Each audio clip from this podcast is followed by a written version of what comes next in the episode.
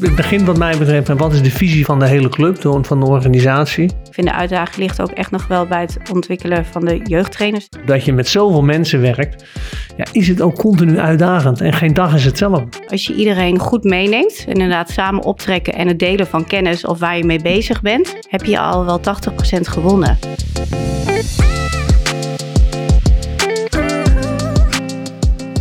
Lieve luisteraars, welkom bij De Jeugd heeft de toekomst. Een podcast van de KNVB over jeugdvoetbal in al haar facetten. Een podcast waarin ik, Piotr van der Marel, samen met een co-host in de wonderenwereld van het jeugdvoetbal duik. Samen met mijn co-host vraag ik mijn gasten het hemd van het lijf. En gaan we op zoek naar hun visie, ziens en werkwijze. Welkom bij De Jeugd heeft de toekomst. Het leven van een HO, een hoofdopleiding, die gaat niet over rozen. Ik zal jullie wat voorbeelden geven. In de middag staat de vader van Daan van de JO103 op je voicemail. Hij geeft uit naam van Daan aan dat hij niet goed genoeg wordt uitgedaagd en zeker een kans verdient in de onder 10-1. Diezelfde dag krijg je een bericht dat er erg veel afval rond veld 3 ligt. Of jij dat even kan doorgeven aan de technische dienst. Je eindigt de dag met een belletje van de trainer van de meiden onder 16 die jou mededeelt dat zij niet meer de energie heeft om training te geven. Van afval tot indeling, van tactieken tot trainers die dreigen om met hun sleutels te gaan gooien. Hoe ga jij als HO, hoofdopleiding, hiermee om? Wat zijn eigenlijk de belangrijkste taken van een HO? Want een beleidsplan heeft elke voetbalvereniging. Maar hoe zorgen we ervoor dat onze spelers en speelsters daar ook wat van merken? Vandaag praten we met Alois Wijnker, voormalig HO van AZ en tegenwoordig manager voetbalbeleid bij de KNVB. En tegenover Alois zit Hanneke de Weert en zij is HO van Nieuw-Leuzen. Onderbouwcoördinator en verantwoordelijk voor de meiden- en vrouwentak. Ook mijn vaste steun en toeverlaat Nick Veenbrink is van de partij. Welkom. Hanneke, Dank in mijn intro. Herkenbaar. Zeker herkenbaar. Je wordt voor allerlei vragen gesteld als HO. Je bent zichtbaar. Iedereen denkt dat je me alles weet. Absoluut waar. Ja. Alois? Uh, nou, voor een deel wel. Ja, manetje van alles. Hè. Dus uh, nou ben ik ook, uh, ook de ervaring als jeugdcoördinator bij een amateurvereniging. Dus ja, dan komt het weer boven bij die intro van jou. Van ja, je werd overal voor gevraagd. En ja, dat gaat niet altijd over de voetbaltechnische kant, om het zo maar te zeggen, maar allerlei zaken. En ja, daar word je soms voor gebruikt, maar ook wel eens misbruikt. En, ja, de uitdagingen van jou als persoon, ja, hoe ga je daarmee om? En dat is een behoorlijke uitdaging. Maar die hoort toch, dat, dat, het afval hoort toch niet bij ons takenpakket als HO? Nee, vind ik niet. Maar doordat je zichtbaar bent of mensen kennen je, of je staat op het veld met de kindertjes, dan denken ze, oh, zij weet alles, dus laat ik haar maar vragen of een HO vragen. Ja. En waarom uh, vind jij die zichtbaarheid zo belangrijk? Ik vind het wel belangrijk dat je uh, als HO zichtbaar moet zijn op het veld en rondom het veld, omdat je bezig bent met de ontwikkeling van de trainers en de spelers. En hoe, kan je een voorbeeld geven hoe je dat doet? Jazeker. Ik sta op uh, woensdag en op vrijdagmiddag op het veld om training te geven. daarnaast sta ik op de maandag en de dinsdagavond op het veld om de trainers te begeleiden. dus ja, ouders zien je veel. Dus denken zij automatisch, zij weet alles. En hoe bewaak je dat dan? Dat je ook niet voor alles verantwoordelijk bent. Ja, nou daar heb je dan ook echt wel je mensen binnen de vereniging voor nodig om uh, de goede lijnen weg te zetten. En ook de HO te positioneren. Dat je niet meer het manetje van alles bent, maar dat er een taakverdeling komt en dat je meer vrijwilligers nodig hebt om dit soort randzaken ook uh, goed te laten verlopen. Maar dan heb je eigenlijk naast die HO dus naast jouw rol heb je dus ook nog iemand nodig die de andere zaken oppakt. Vind ik wel. Je hebt een afdeling facilitair nodig, maar je hebt ook jeugdcoördinatoren uh, nodig die de regelzaken oppakken, materialen. Daar heb je echt wel verschillende mensen voor nodig. Kun je nog iets vertellen over je, over je vereniging? Uh, hoeveel leden? Iets over de identiteit? Dat mag een schatting zijn. We gaan het niet, uh, ja. niet controleren. Nou, SV Nieuwleuzen is een uh, vereniging uh, in Nieuwleuzen. Ongeveer 800, 900 leden. Eh, veel jeugdteams. Um, we hebben een, meisjes- en een vrouwentak.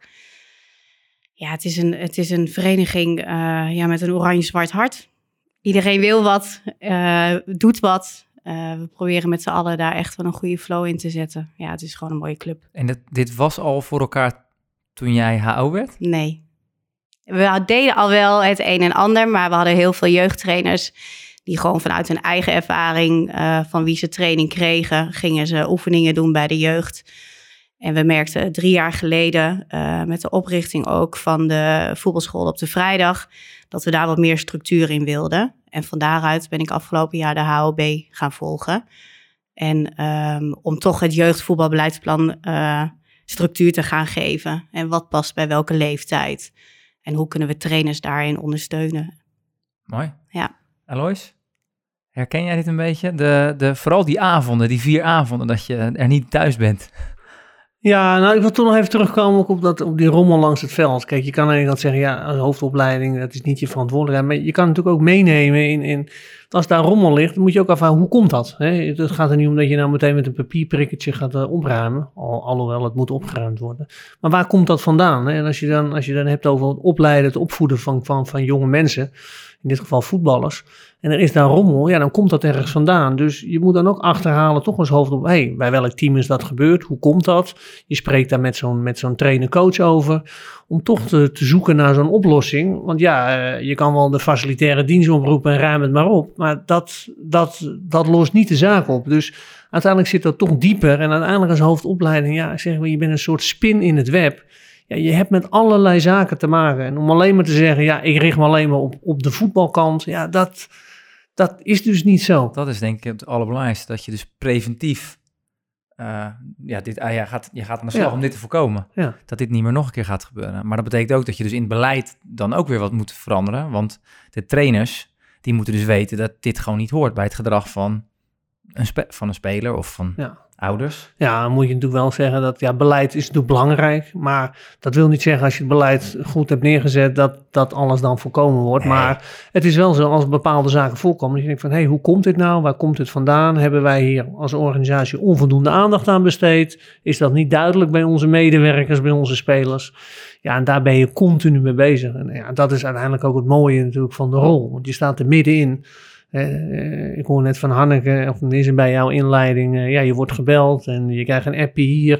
Maar het is ook mooi dat je er middenin zit en dat je overal met iedereen in contact staat. Dus het is ook een hele, het is gewoon ook een geweldige rol. Je, nou, ogen, je ogen gaan helemaal uh, glinsteren. ja. Mis je het? Mis je het? Nou, nou, nou, dat deel wel. Gewoon ja. met mensen samenwerken, er middenin staan. Met, met allerlei soorten mensen en lagen, met mensen met verschillende motivaties ja, dat is gewoon, dat is gewoon heel interessant. En uh, dat vind ik heel interessant, daarmee in gesprek te gaan. En uh, ja, dat is denk ik heel mooi met verschillende soorten mensen uh, werken in een organisatie. Daar kan ik van genieten. Is dat, je, je, hebt jarenlang de rol van hoofdopleiding ingevuld in het betaald en amateurvoetbal. Is dat wat die rol het leukste maakt voor jou? Ik vind van wel. Ja? Ja, voor mij wel. Dus natuurlijk is het mooi als uiteindelijk een speler na zo'n opleiding uh, zijn debuut maakt, uh, impact heeft in het eerste helft. Dat is prachtig. En, en daar krijg je ook wel even kippenvel van. Hè? Dat, dat heb ik ook. Maar gewoon het hele proces, dat met elkaar. En, en ja, daar, daar kan ik gewoon van genieten. Tot, tot ouders en, en opa's en oma's en toe. Dus het is gewoon mooi om daar samen mee, uh, ja, mee te werken. Ben ik met je eens hoor, want wij zijn nu aan de start daarvan. Dus we doen het inderdaad ook met trainers die op het veld zijn. We samen betrekken van wat gaan we doen, ook op het veld en rond het veld ja, daar krijg je wel energie van. Inderdaad, ben ik volledig met je eens. Moest jij ook nog wel eens uh, heilige huisjes omvergooien? Um, Omdat je natuurlijk net gestart was? Nou, nee, nee dat, val, dat viel reuze mee. We hebben uh, ontzettend veel jeugdtrainers vanuit de selectie 1, 2, onder de 19, onder de 17. Maar we hebben ook wel um, ouders als trainers. Uh, ik vind als je iedereen goed meeneemt, inderdaad samen optrekken en het delen van kennis of waar je mee bezig bent, heb je al wel 80% gewonnen. Als je alleen van bovenaf naar beneden zegt van oké, we gaan het zo doen, zonder inspraak van of zonder evalueren, dan werkt het niet. Je moet wel samen die weg bewandelen, uh, nou, binnen misschien kaders die de vereniging graag ziet. Uh, maar wel het samen doen en ook ja, het informeren van elkaar. Um, en iedereen inderdaad, wat uh, Alois ook zegt, iedereen zit er weer met een andere motivatie of een andere kennis en kunde.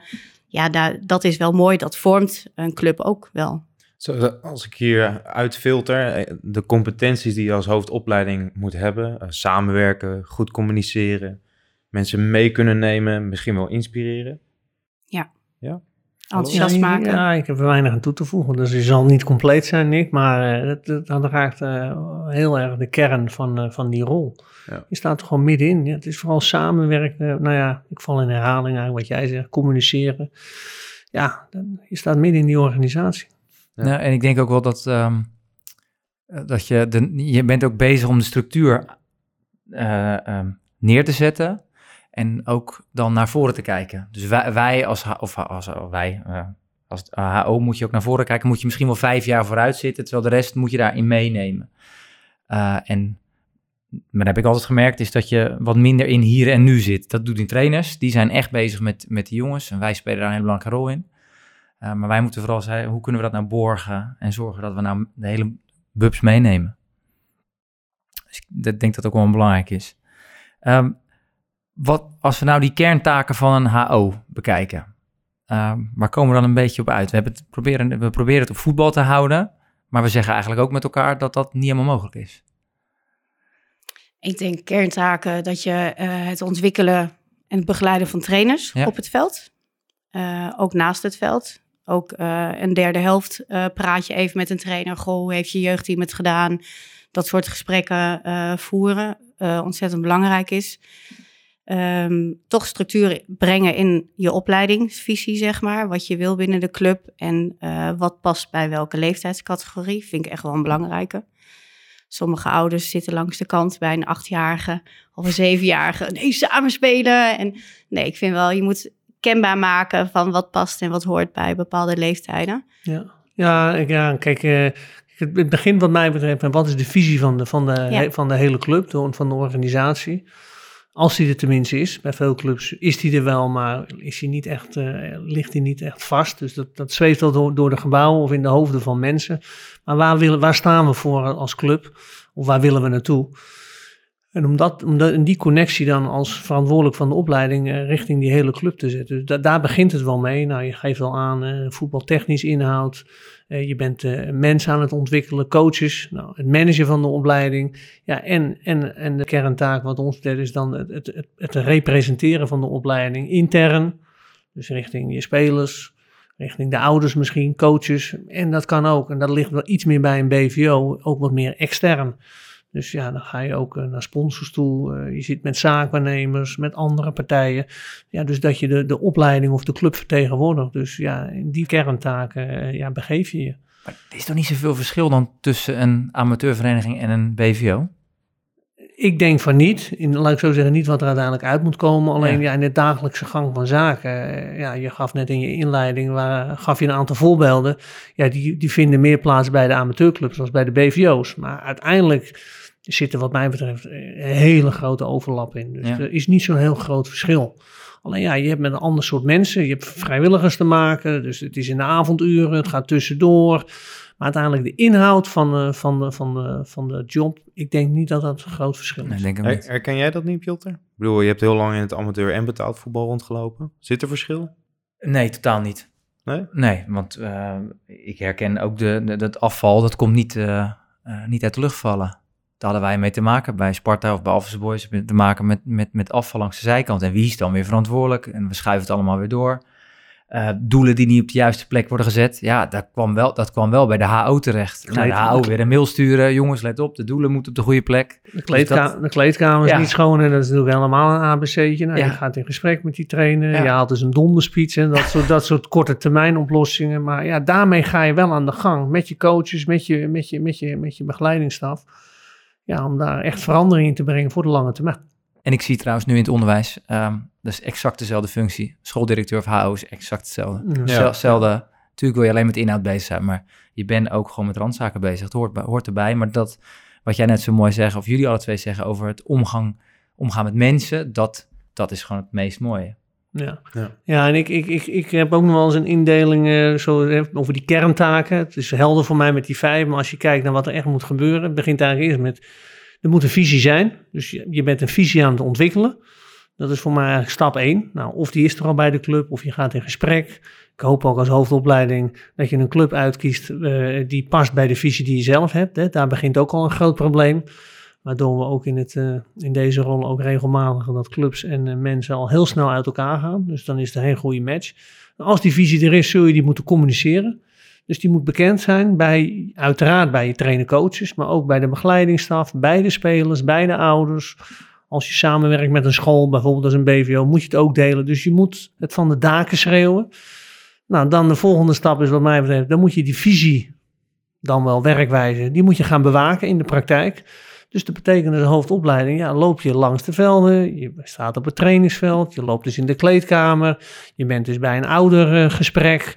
Dus je laat je overal zien om te, om te voelen en te horen, ja, gebeurt wel wat we afgesproken hebben. Ja, en dan de laatste stap is ook weer die visie continu ontwikkelen, maar ook de mensen ontwikkelen in de praktijk. Dus niet zeggen, je doet het niet goed, maar hey, hoe ging dat nou? Wat vond je van het gesprek? Eh, hoe kunnen we dat beter doen? Sluit het aan bij de visie die we hebben.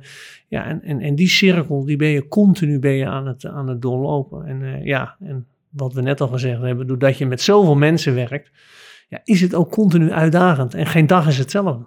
Dus het is beleid opstellen, als dat er nog niet is, doorontwikkelen, implementeren, monitoren. En die, die cyclus die herhaalt zich. maar die, die, ja, Klopt, want wij zijn dus vorig jaar gestart echt met het schrijven van een visie. En wat willen we als SV Nuleuze? Hoe gaan we dat doen? Nou ja, eerst de onderbouw en nu komt straks uh, midden- en bovenbouw. Ja, daar start je wel mee. En dan ga je inderdaad implementeren op het veld. En je krijgt een groep mee. En dan ga je een olievlek creëren. Ja. ja, wat ik zo mooi vind aan het implementeren, is dat als je dus iets gaat doen, dat je dan ook je mensen, die neem je natuurlijk mee, wat jij ook zei Alois, met, met communiceren, maar ook dat je gaat ervaren en dat je gaat zeggen, oké, als het nou niet werkt, dan gaan we dit, gaan we dat fine-tunen, gaan we en we gaan natuurlijk dat verklaren hoe dat nou komt dat het niet werkt. En dan gaan we het weer bijstellen. Ja. Net zolang totdat het draait. Maar als, als het goed is, heb je de juiste mensen binnen je vereniging die, als het, als het goed is, met jou meegaan. En dan blijf je hun ook tijd geven, want dat vind ik echt een belangrijke. merk ik ook wel in voetbal dat er soms die tijdsdruk erop zit. Nee, we vertrouwen je, we, we, we hebben vertrouwen in jou. Um, ga het proberen en we gaan net zo lang door totdat het werkt. Klopt. En hoe, hoe pakken jullie dat aan om tot die visie of die structuur uh, te komen?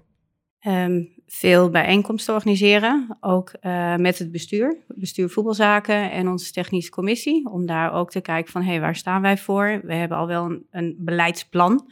Nou, van daaruit kun je je opleidingsvisie uh, herleiden en ook kijken van, hey, klopt, past dit nog steeds bij ons?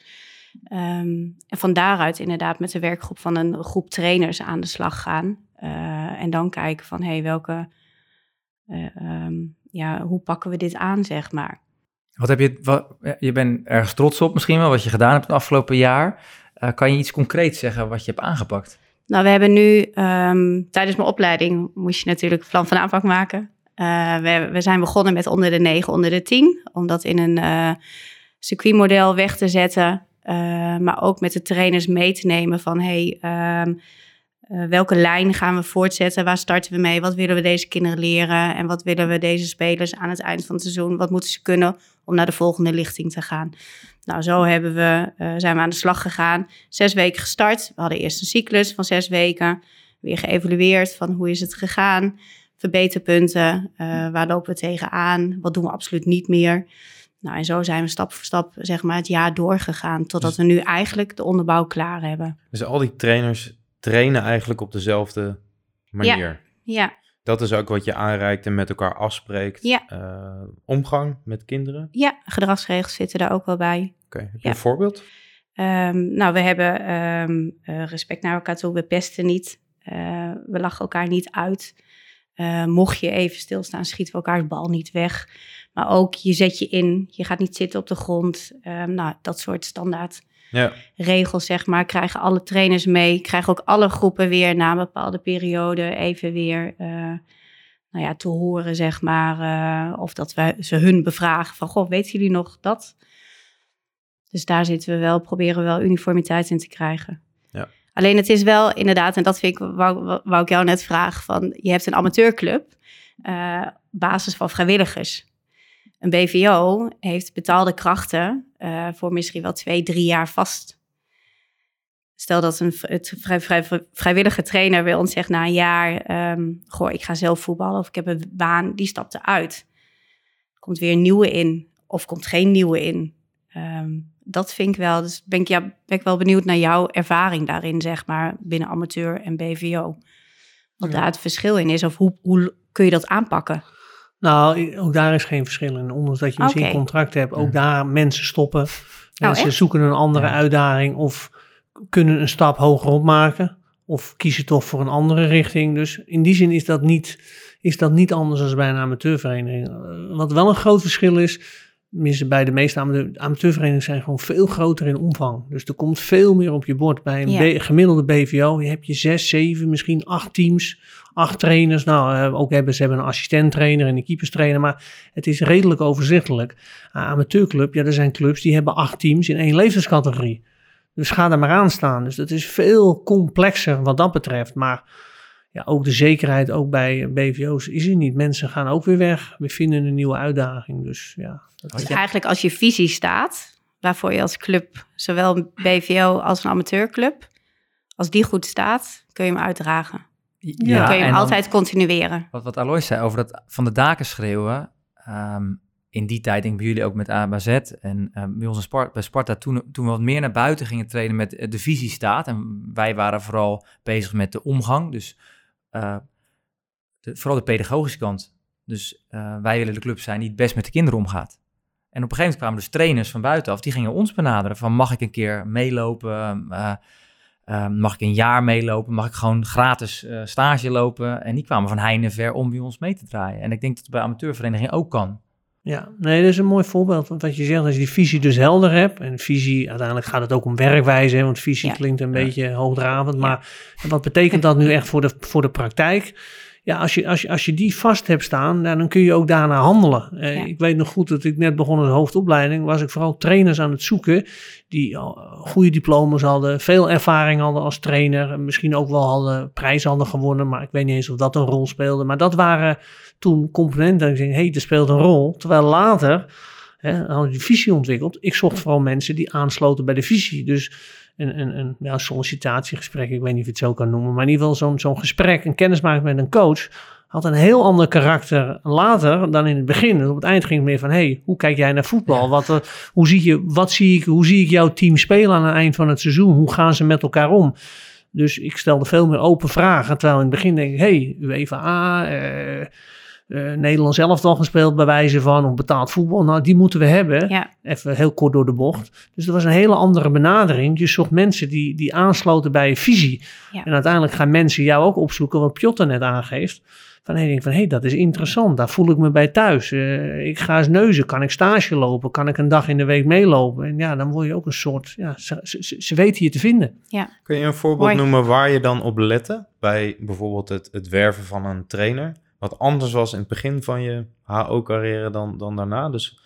Nou, ik, ik zat in het begin dus veel meer op het, eh, laat ik zo zeggen, het, het diploma, ook het voetbal inhoudelijke. Ja. En uh, hoe speel je met systemen. Terwijl later zat ik, ik zat veel meer op mijn visie op spelers. Dus je wil uiteindelijk spelers opleiden, eigenlijk mensen opleiden die bepaalde competenties, bepaalde eigenschappen hebben wanneer ze 18, 19, 20 zijn. Nou, en daar bevroeg ik coaches op. Van nou, hoe ziet nou jouw ideale voetballer eruit als hij 20 is? Hij heeft vier jaar bij jou getraind. Wat zie ik die speler dan doen? En dat ging verder dan alleen maar die bal erin schieten. Maar ook wat deed die, die speler voor of na de training? Hoe zat het met zijn zelfstandigheid? Was hij in staat eigen keuzes te maken? Dus, en welke nou, invloed heb jij als trainer daarop? Nou, en dan kwam hij daar qua antwoorden van, nou, ik wil uh, zelfstandig. Oké, maar hoe krijg jij dat voor elkaar als coach? Wat zie ik jou dan doen? Als ik nu bij jou, hè, hij was nu werkzaam bij Club B. Nou, wat zie ik jou daar dan doen? Dat je zo'n speler voor elkaar krijgt. Dus je had veel meer gesprek op dat vlak. Als uh, ja, eigenlijk gewoon die harde, harde feiten, die harde facts. Dus ja, dat, beleid en visie is wel een ontzettend belangrijke om trainers überhaupt te kunnen begeleiden. Je kan ook zeggen, nou, we sturen ze naar een trainerscursus. Daar leren ze wat ze op welke leeftijd wel of niet kunnen doen. Maar dat, dat is niet genoeg voor een hoofdopleiding. Nou, ja, eh, voor de ene wel. Ja, ik heb ook jarenlang zo... Toe, maar... maar ja, ik, mijn ogen gingen ook open. Ik, uiteindelijk word je altijd beïnvloed en geïnspireerd hè, door, door, door door, Simon Sinek met zijn verhaal, met uh, Start With Why. Ja, dat, dat opende mij de ogen, zijn boek lezen, gelezen te hebben. Dat ik denk van ja, dat is, dat is, wat, wat voor spelers wil ik nou opleiden? En dat heeft mij enorm geïnspireerd. En toen ik dat helder had voor mezelf, was het leidinggeven als hoofdopleiding voor mij vele malen eenvoudiger dan daarvoor. Daar zat ik veel meer op de details en dit moet zus en dit moet zo. Het ging veel meer vanuit de visie. Dus voor mijn gevoel kon ik daarna veel makkelijker leiding geven als voor dat verhaal. En, uh, en dan zit je veel meer op details. We moeten drie keer in de week trainen. Nee, we moeten anderhalf uur en we moeten allemaal dezelfde, dezelfde warming-up doen. En zat veel meer op de details. Terwijl nogmaals, uh, ja, nadat ik die visie helder had, ja, ging mijn, voor mijn gevoel in ieder geval, zo ik het ervaren, mijn leiding geven veel eenvoudiger. Omdat, ja, het komt gewoon vanuit je buik, het komt vanuit jezelf. Dus dat wordt ook veel natuurlijker. En ja, dus dat heeft mij enorm geholpen. En werd je daar helemaal vrij in gelaten? Of had je ook nog een bestuur waar je, of een technische commissie waar je nou, verantwoordelijkheid aan moest afleveren? Bij een BVO heb je vooral als hoofdopleiding met een technisch directeur te maken of een technisch. Dat is eigenlijk je, Maar ik heb wel ervaren dat ik altijd heel veel vrijheid en ruimte heb gekregen. En genomen misschien. Dat zou kunnen. Dan zou je die mensen moeten vragen of ze gaven het me. Maar ik weet ook, ja, de gemiddelde technisch directeur ja, besteedt gewoon 90, 95% van zijn tijd gaat naar dat eerste elftal. Dan moet een, winnend elftal komen. Die zit op die scouting. Dat wil niet zeggen dat de jeugdopleiding of de opleiding onbelangrijk is. Maar dat staat niet in zijn prio top 2. Nee. Gemiddeld. Er zijn uitzonderingen. Dus je kreeg er ook veel ruimte. Ik zat iedere week zat ik een uur zat ik met hem te discussiëren over bepaalde zaken. Welke kant gaan we op? Maar uiteindelijk voelde ik me wel uh, behoorlijk zelfstandig daarin om daar te opereren. Dat doe ik altijd wel in samenspraak met, maar ik, kreeg, ik heb altijd veel ruimte ervaren. Voel, jij, voel jij die ruimte ook? Ja, ik voel die ruimte ook, ja. Want, want er staat al heel veel bij jullie. Dat staat goed, dat draait. Ja, begint nu te, ja. En uh, wat heeft het bestuur jou meegegeven? Hoe, nou, trouwens, hoe, hoe kwamen ze bij jou? Nou, ik heb mezelf aangeboden. Oh, jij kwam aanwaaien. Soms moet je gewoon uh, de stoute schoen aantrekken. Nee, ja, um, ik was bezig met die voetbalschool en ik vond dat, we, dat het tijd was voor uh, meer. En meer inhoud en meer structuur. Um, dus ik heb eigenlijk mijn eigen sollicitatie gewoon binnen onze club geschreven. Oh, mooi. Ja. Hey, en, en hoe, hoe werd ja, positief. Ja, positief. En het was ook het moment, ik denk dat alles ook samenviel, dat het... Uh, um, ja, gestimuleerd werd dat ik ook de HOB uh, eh, kon gaan doen. En volledig draagkracht vanuit de vereniging en vanuit het bestuur. Maar je was, je was bezig met die, uh, met, met die vrijdag? Ja, ik stond al op het veld, ja. Maar dat, dat was het. En uh, want hoe, hoe, hoe, was je toen? Wat was je moeder? Of, ja, ik ben ook moeder. Van, van, van, een kind uit de club? Of? Ja, ook vanuit een zoontje inderdaad uit de club. Um, maar goed, die, die zit al omhoog. Dus die heb ik al helemaal niet meer op het veld. Maar daar ben ik wel mee gestart. En de voetbalschool was echt, um, ik had 70 kinderen op de vrijdag. En dan ga je kijken van deel je ze in qua um, uh, leeftijd of qua uh, wat ze kunnen. Of nou, zo ga je aan het puzzelen. En na drie jaar dacht ik, ja, ik heb nu meer kennis nodig. Ik wil, ik wil hier wat mee, want dit kan gestructureerder en beter. Maar, maar waarom hebben ze dan, denk je, echt voor jou gekozen? Ja, ik kan goed samenwerken, ik kan goed coördineren, uh, kennis van zaken. Um, ja, en ik denk dat tot nu toe maak ik het ook waar. Kijk, mooi. er, was een, er is een onderzoek geweest. Um... Evalueren hoeft ja. trouwens niet meer. Nee, nee, nee, nee klaar. nou, ik heb straks nog een fragment met, uh, van een trainer hoe die over jou denkt. Nou, ik ben benieuwd. nee, uh, wij, er is een onderzoek geweest. 700, uh, meer dan 700 bestuurders hebben aangegeven bij de amateurverenigingen. dat, zij uitermate, dat zij het uitermate belangrijk vinden dat er een HO is binnen de verenigingen. Dat 97% daarvan geeft dat aan. En 90% zijn ook tevreden met die rol. Uh, dat die er is. Um, en dat daar. Um, dus, dat, dus dat wordt ook wel breed gedragen tegenwoordig. Um, merken wij dat ook in het land, Alois?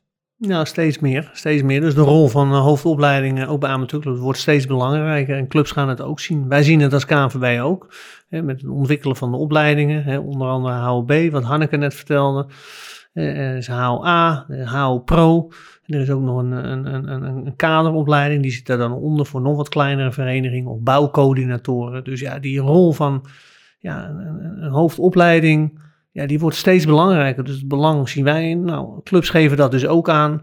Ja, er komt ook steeds meer op een bord. Dat is misschien voor iemand die dat er even bij doet, zonder bagage ja, is dat ook bijna, uh, nou ik wil niet zeggen onmogelijk, maar heel moeilijk. En als je als club wat wil en je wil inhoudelijk wat, en met willen zeg ik niet meteen dat je naar divisies moet of dat je omhoog moet, maar dat je gewoon een inhoudelijk goed programma neerzet waarin kinderen zich kunnen ontwikkelen op alle, alle niveaus. kinderen een goede training. Ja, ja op alle niveaus, ja, is, dan, dan, dan wordt het ook geacht. En uh, ja, uh, jij maakte net het vergelijking, uh, Piotr, met, met een basisschool, hè, met een directeur basisschool. want dat is, ja, zonder een directeur worden die lessen gewoon gegeven en zal het allemaal gaan.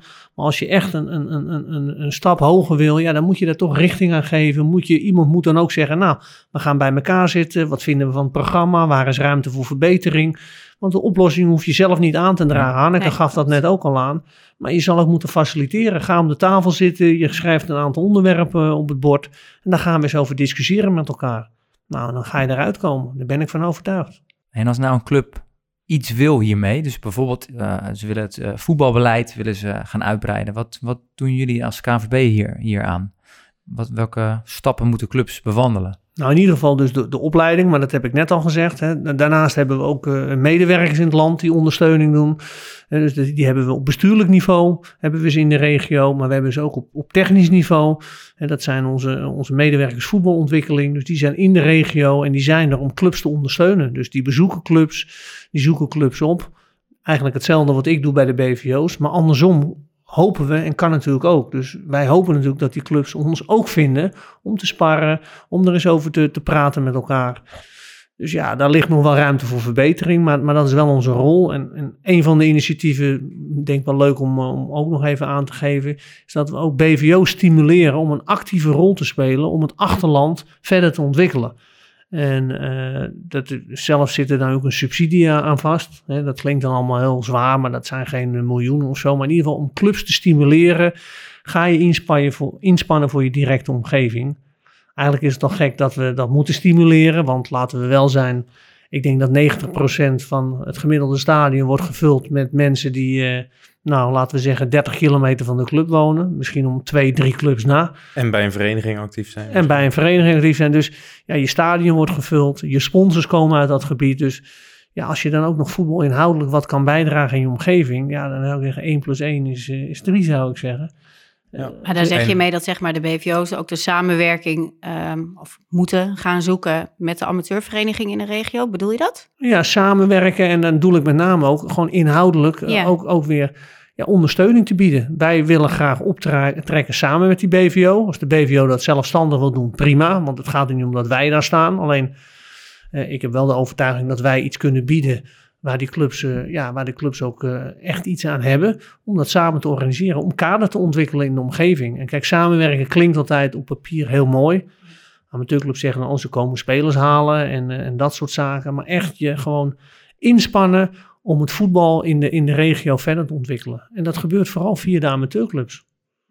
Dus, kennis delen. Kennis delen. En, en ook daarin weer, de BVO hoeft niet op het podium te staan, zo moet het. Je kan ook faciliteren. Je kan ook vijf hoofdopleidingen aan een tafel zetten. Want de uitdaging die jij hebt bij Nieuw-Leuzen, die, die zal ook een club in Spakenburg hebben of een, of een club in Brabant. Ja, dat, dat, dat verschilt niet veel. Dat Nee. zal je waarschijnlijk ook in de opleiding Ja. hebben ervaren. Door daarover te sparren met elkaar, ja, kom je gewoon verder. Dus ja, dat, daar liggen kansen. En, en heel veel BVO's doen dat al. Hè? Want ik zeg dat, dat nu door die stimulans, heel veel clubs pakken die rol al. Dus dat is een- gewoon een hele goede ontwikkeling, vind ik, in het land. Mooi. Eh, Hanneke, we hadden het net al een beetje over jouw positionering. Hoeveel contact heb jij met het bestuur? Eh, wekelijks. En hoe ziet dat eruit? Eh, of via een appje of even eh, langs het veld. Ehm, geen formele vergaderingen. We hebben één keer per maand een bijeenkomst. Waar de voorzitter voetbalzaken ook bij, eh, bij aan tafel zit. Ja, ja, we zijn veel op de club. Dus da- daar, het zit vooral in het informele. Ja, Oké, ehm, zou je nog meer naar formele momenten willen of werkt dit voor jullie? eh, dit werkt. Maar ik zou wel nog meer willen naar meer formeel inhoudelijke Ja. bijeenkomsten. Ja, wat eh Alois ja, net ook schetst. dat vind ik echt wel. Of themaavonden eh met een aantal trainers en bestuur. Dat je ook echt even het voetbaltechnisch Wat, wat weerhoudt jullie daar nog van? De tijd toch van vrijwilligers? Ehm, ik denk ook de tijd. Ja. Ja. Afgelopen jaar zaten we natuurlijk ook met het kampioenschap. Wat ontzettend veel van het eerste wat veel tijd heeft, eh, Ja. nou ja, vrije tijd heeft genomen. En nu met de opstart. En ik verwacht dat we nu straks, ja, ik hoop dat we daar wel wat meer naartoe gaan. Ja. En dan zou ik zelf ook een kartrekker in moeten zijn. maar tijd is ook wel. Ja, dat snap ik. Ben je trouwens benieuwd naar wat trainers uh, van jouw rol vinden? Nou, ben ik wel nieuwsgierig naar, ja. We gaan uh, luisteren naar een uh, trainer van Nieuw-Leuzen. en die heeft iets verteld aan ons in vertrouwen over Hanneke. Hanneke is erg zichtbaar binnen de club. Heel wat avonden loopt Hanneke rond om bij verschillende trainingen te kijken, bij verschillende trainers te kijken. En ik ervaar dat altijd als erg prettig. Meer ook omdat je met elkaar natuurlijk een weg bewandelt. Er is een plan van aanpak gemaakt. En het is goed om te zien of dat plan van aanpak ook wordt uitgevoerd. Dat doet ze op een hele positieve manier. ze kijkt mee, geeft tips daar waar nodig. en dat doet ze altijd opbeurend, altijd positief. Um, daarnaast, wat ik ook altijd erg mooi vind, is dat er een aantal keer per jaar een soort van evaluatiemomenten uh, worden ingepland. Dan uh, komen alle trainers van bijvoorbeeld uh, de JO10 bij elkaar. en dan zitten we met elkaar in een ruimte om de afgelopen periode te bespreken. Wat gaat goed, wat kan beter. en op die manier houden we elkaar scherp. Herkenbaar? Ja, het is gelukkig, dat, gelukkig herkenbaar. Nee, nee, niet mijn man. Nee. nee. Nou, niks dan lof volgens ja. mij. Nou. Ja. Ja. Doet, doet dit wat met je? Nou, ik, het, um, uh, het geeft je wel een goed gevoel dat je op de juiste weg bent. Um, en dat het wel effect heeft met wat ja. we aan het doen zijn. En even heel kort uh, de samenvatting, bijeenkomsten, maar vooral die zichtbaarheid. Ja, ik vind dat toch wel belangrijk. Hadden we ook in de HO, dat aan het eind van de uh, opleiding heel veel HO's zeggen, ik ga weer meer het veld op. In plaats van nou ja, of met het bestuur of uh, op een andere rol zitten, zeg maar. Um, ja, en ik, ik wil op het veld blijven.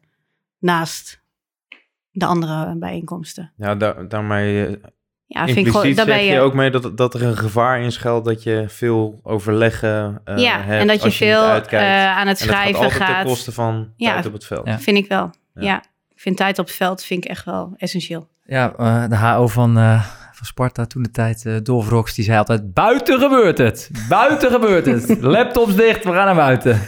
ja, dat, en dat is wel nee. heel herkenbaar. Zelf bleef hij binnen zitten. Nee, hij oh, ging, uh, wij deden namelijk alle schrijfwerk en dan kon hij naar buiten. dus het was goed. ja, maar dat is wel, de, en um, ja, ik vind die zichtbaarheid en of ik dat, dat ook weer in het onderwijs, uh, je staat voor wat je doet. En als kinderen jou ook zien, want dat is eigenlijk een, een, vervolgvraag. Wat merken de kinderen nu van een goede HO? Nou, ik denk dat hoe zichtbaar je bent, dat ze jou ook weten te vinden. Ja, dat zorgt gewoon voor enorme leerwinst als de, ja, de direct leidinggevende eigenlijk gewoon op het veld staat. En het voelen kinderen. En uh, ik denk dat ze daar uh, nog beter van worden. Hoeveel jij het veld? Nou ja, nu wat minder. Ja. Dus, nou ja, ik heb nu mijn trainingspak aan. Ik ben net bij onder 16 geweest, dus ik heb daar gekeken bij de training. Dus uh, dat was dan de eerste activiteit voor een nationaal team dit seizoen. Dus dat was natuurlijk heerlijk. Dus mooi weer. Het is goed te melden, je, je, je hebt een rol bij de nationale teams? Ja ik, ik, ja, ik ben min of meer technisch, dus technisch verantwoordelijk voor die nationale jeugdteams. Dus ik vergelijk dat eigenlijk ook met een HO. Want dan heb je dan ook onder 15, 16, 17 en naar boven toe. Dus je vergadert ook één keer per week met de coaches. En wij hebben wel het voordeel, Hanneke, hè, de coaches zijn fulltime. Dus wij kunnen ja. wekelijks kunnen wij inhoudelijk kunnen we overleggen over bepaalde zaken. Dus ja, dat is eigenlijk uh, verschilt niet veel van een HO bij een club. Kun je, kun je iets delen? Dat je staat dan net op het veld. Ben je dan uh, aan het observeren? Of uh, ga je met een coach in gesprek? Of hoe, hoe nou, gaat dat? Nou nee, want die coach die was druk bezig. Dus, uh, en die had daar ook een hele staf. Dus die was... Die ga je niet storen? Nee, niet, nee, daar heb ik nu niet voor gekozen. Maar het zou best kunnen zijn dat ik vraag, vind je het oké okay als ik op het veld ben? Maar dat heb ik nu niet gedaan. Dus ik heb geobserveerd. En ik heb ook veel gesproken met de materiaalman, met de fysiotherapeut. Gewoon tijdens het kijken, gewoon contact hebben. En hoe gaat dat nou? Er zijn ook, weer een, ook wel weer een aantal nieuwe gezichten voor mij die ik leer kennen. En uh, nou, ik denk dat ik vanavond nog wel even aan de lijn hang of morgenochtend met die coach. Wat vond je ervan? Ook eventjes, nou, dat was leuk. Of het hoeft ook niet eens een lang gesprek te zijn, want we gaan echt niet helemaal diep de inhoud in. Dat komt later wel. Nou, op zo'n manier. Ik denk dat Hanneke dat ook doet uh, bij de gemiddelde training bij Nieuw Leuzen. Uh, ja, klopt. Alleen ja, dat zeg ik al bij een amateurclub. Heb je zoveel teams, dus dan moet je delen, je moet Ja, keuzes dat- maken. Ja. Ja. daar ligt een grote uitdaging. Ja, dat is echt een grote uitdaging. Je moet Ja. echt keuzes maken van, nou ja, wanneer doe je wat, zeg maar. Want afgelopen jaar was en de opleiding en, en je moet een jeugdvoetbalplan schrijven, zeg maar. Plus je wil alle trainers begeleiden, plus je wil alle teams zien voetballen. Dus daar moet je echt wel voor waken of even, nou ja, je weg in vinden, zeg maar. Ja, je kan wat minder individueel begeleiden. Ja. Ja, dan moet je echt voor jezelf bewijs van een scholingskalender maken. eh, van wie begeleid ik wanneer, zeg maar. En Ja. met welk doel. Ja, ik, ik Maar je hebt wel de ambitie om alle trainers eh, in een seizoen te zien. Dat zal voor, vorig jaar misschien niet vorig seizoen niet Eh gelukt ja, zeker. Van onder de, tot en met onder de 13 eh, zeker. Ja, Maar die zie ik ook wekelijks eigenlijk wel. allemaal. Ja, Dat is, daarom zeg ik knap. vier, vier dagen avond op het veld. En dan Ja. je hebt natuurlijk de woensdagmiddag heb je al acht trainers bij elkaar. Ik heb op vrijdagmiddag heb ik al twaalf trainers bij elkaar. Dus dan heb je al best wel een gros te pakken. Maar ja, en we hebben nu ook een aantal andere mensen erbij die ook mee gaan helpen om trainers te begeleiden. ja, dat, met de visie die we Ja. hebben, zeg maar. Ja, je moet ook een beetje een olievlek creëren dat je het samen doet met een Ja, aantal. Dus eh, hè, in het begin, eh Alois, jij zei dat volgens mij eh, speel in het web. Eh, je, je wordt voor heel veel benaderd als je ook heel toegankelijk en benaderbaar bent. Ja, hoe, maar hoe bewaak je dat je dan niet eh, verzuipt in alles wat op je afkomt? Dus één is goede mensen om je heen verzamelen. goede mensen om je heen verzamelen, zeker. Eh, en die dat ook uitstralen om ook te willen doen, zeg maar. Tuurlijk, Dus ook benaderbaar zijn. ja, steun vanuit het bestuur en technische commissie eigenlijk. Eh, door de goede afstemming daarin ook te, zo, te vinden dat je ook meer mensen om je heen gaat, eh, gaat zoeken. Want inderdaad, bij een amateurvereniging, nou ja, twintig jeugdteams is niks, zeg maar. Dus je moet, je moet ook wel delen. En je moet niet bang zijn om eh, hulp te vragen. Dat vind ik echt wel. Je kan jezelf ook kwetsbaar opstellen. Zo van: hé, hey, dit kan ik niet allemaal meer alleen. Tuurlijk kun je erboven hangen met een kader en een visie. Maar je moet wel mensen om je heen verzamelen waarmee je het samen kan doen. Ja. Want eh, ja, als je wel omvalt als HO of je gaat weg, die club moet wel door, zeg maar. Dus ja, je hebt meer kennis in een club nodig, vind ik. Ja, je, ja, je moet ook leren nee zeggen. Hè? Dus, Ook dat. eh, een collega van mij zei, eh, ben je- we zijn allemaal druk, maar ben je druk met de juiste dingen? En eh, ja, je kan niet overal ja op zeggen. Er zijn ook zaken die moet je ook niet willen zien. Dat je denkt, nou dat laat ik aan me voorbij gaan. Ja, je, je kan niet overal mee aan de gang gaan. Dus je zult ook prioriteiten moeten stellen. Dat geldt voor mij voor iedere medewerker in iedere baan. Maar dat geldt dus ook voor een hoofdopleiding. Waar, waar zei jij nee tegen in die rol? Nou, dat, dat, dat heb ik ook geleerd in de jaren. In het begin eh, had ik zo'n beetje mijn bed daar staan. Hè. Toen was ik ook vrijgezel, dus eh, dat was lekker makkelijk. Maar ja, dan komt er ook een moment in je, ik denk, ja, heeft dit wel zin om hier te zijn? Maar je wil overal bij zijn, omdat je het ook gewoon leuk vindt. Hè. Dus het, ik had er ook gewoon plezier in. Dus ik reed Ja. ook op zondagochtend nog naar een wedstrijd Mhm. of op wanneer dan ook. Dus ja, dat ga je leren. Je kan niet zeggen dat is het moment, maar over de jaren heen er zijn dus mensen die tegen je aanpraten. Je, je krijgt wat feedback. eh, ja, je kan niet altijd alles willen zien, maar eh, ja, dat leer je ook door de jaren heen. En, eh, ik, ik kan niet het moment aangeven, Nick, van toen zag ik eindelijk het licht. Dat kan, dat kan ik niet zeggen. Nee, ik was ook meer op zoek naar een voorbeeld van waar je dan nee tegen zei. Dus wat, wat past op een gegeven moment niet meer bij jouw prioriteiten, wat je in het begin van je loopbaan misschien nog wel deed. Ja, kijk, ik, ik heb dan ook de luxe gehad, in ieder geval bij AZ, waarbij we in een organisatie waren die, die groeide. Hè, doordat we ook wat succes hadden en, en daardoor door succes kwam er weer meer geld, kwamen er ook weer meer mogelijkheden. Dus kon je dus dingen de- delegeren. Nou, bijvoorbeeld eh, kregen we op een gegeven moment de scouting. Daar was ik zelf verantwoordelijk voor. Op een gegeven moment maak je stappen.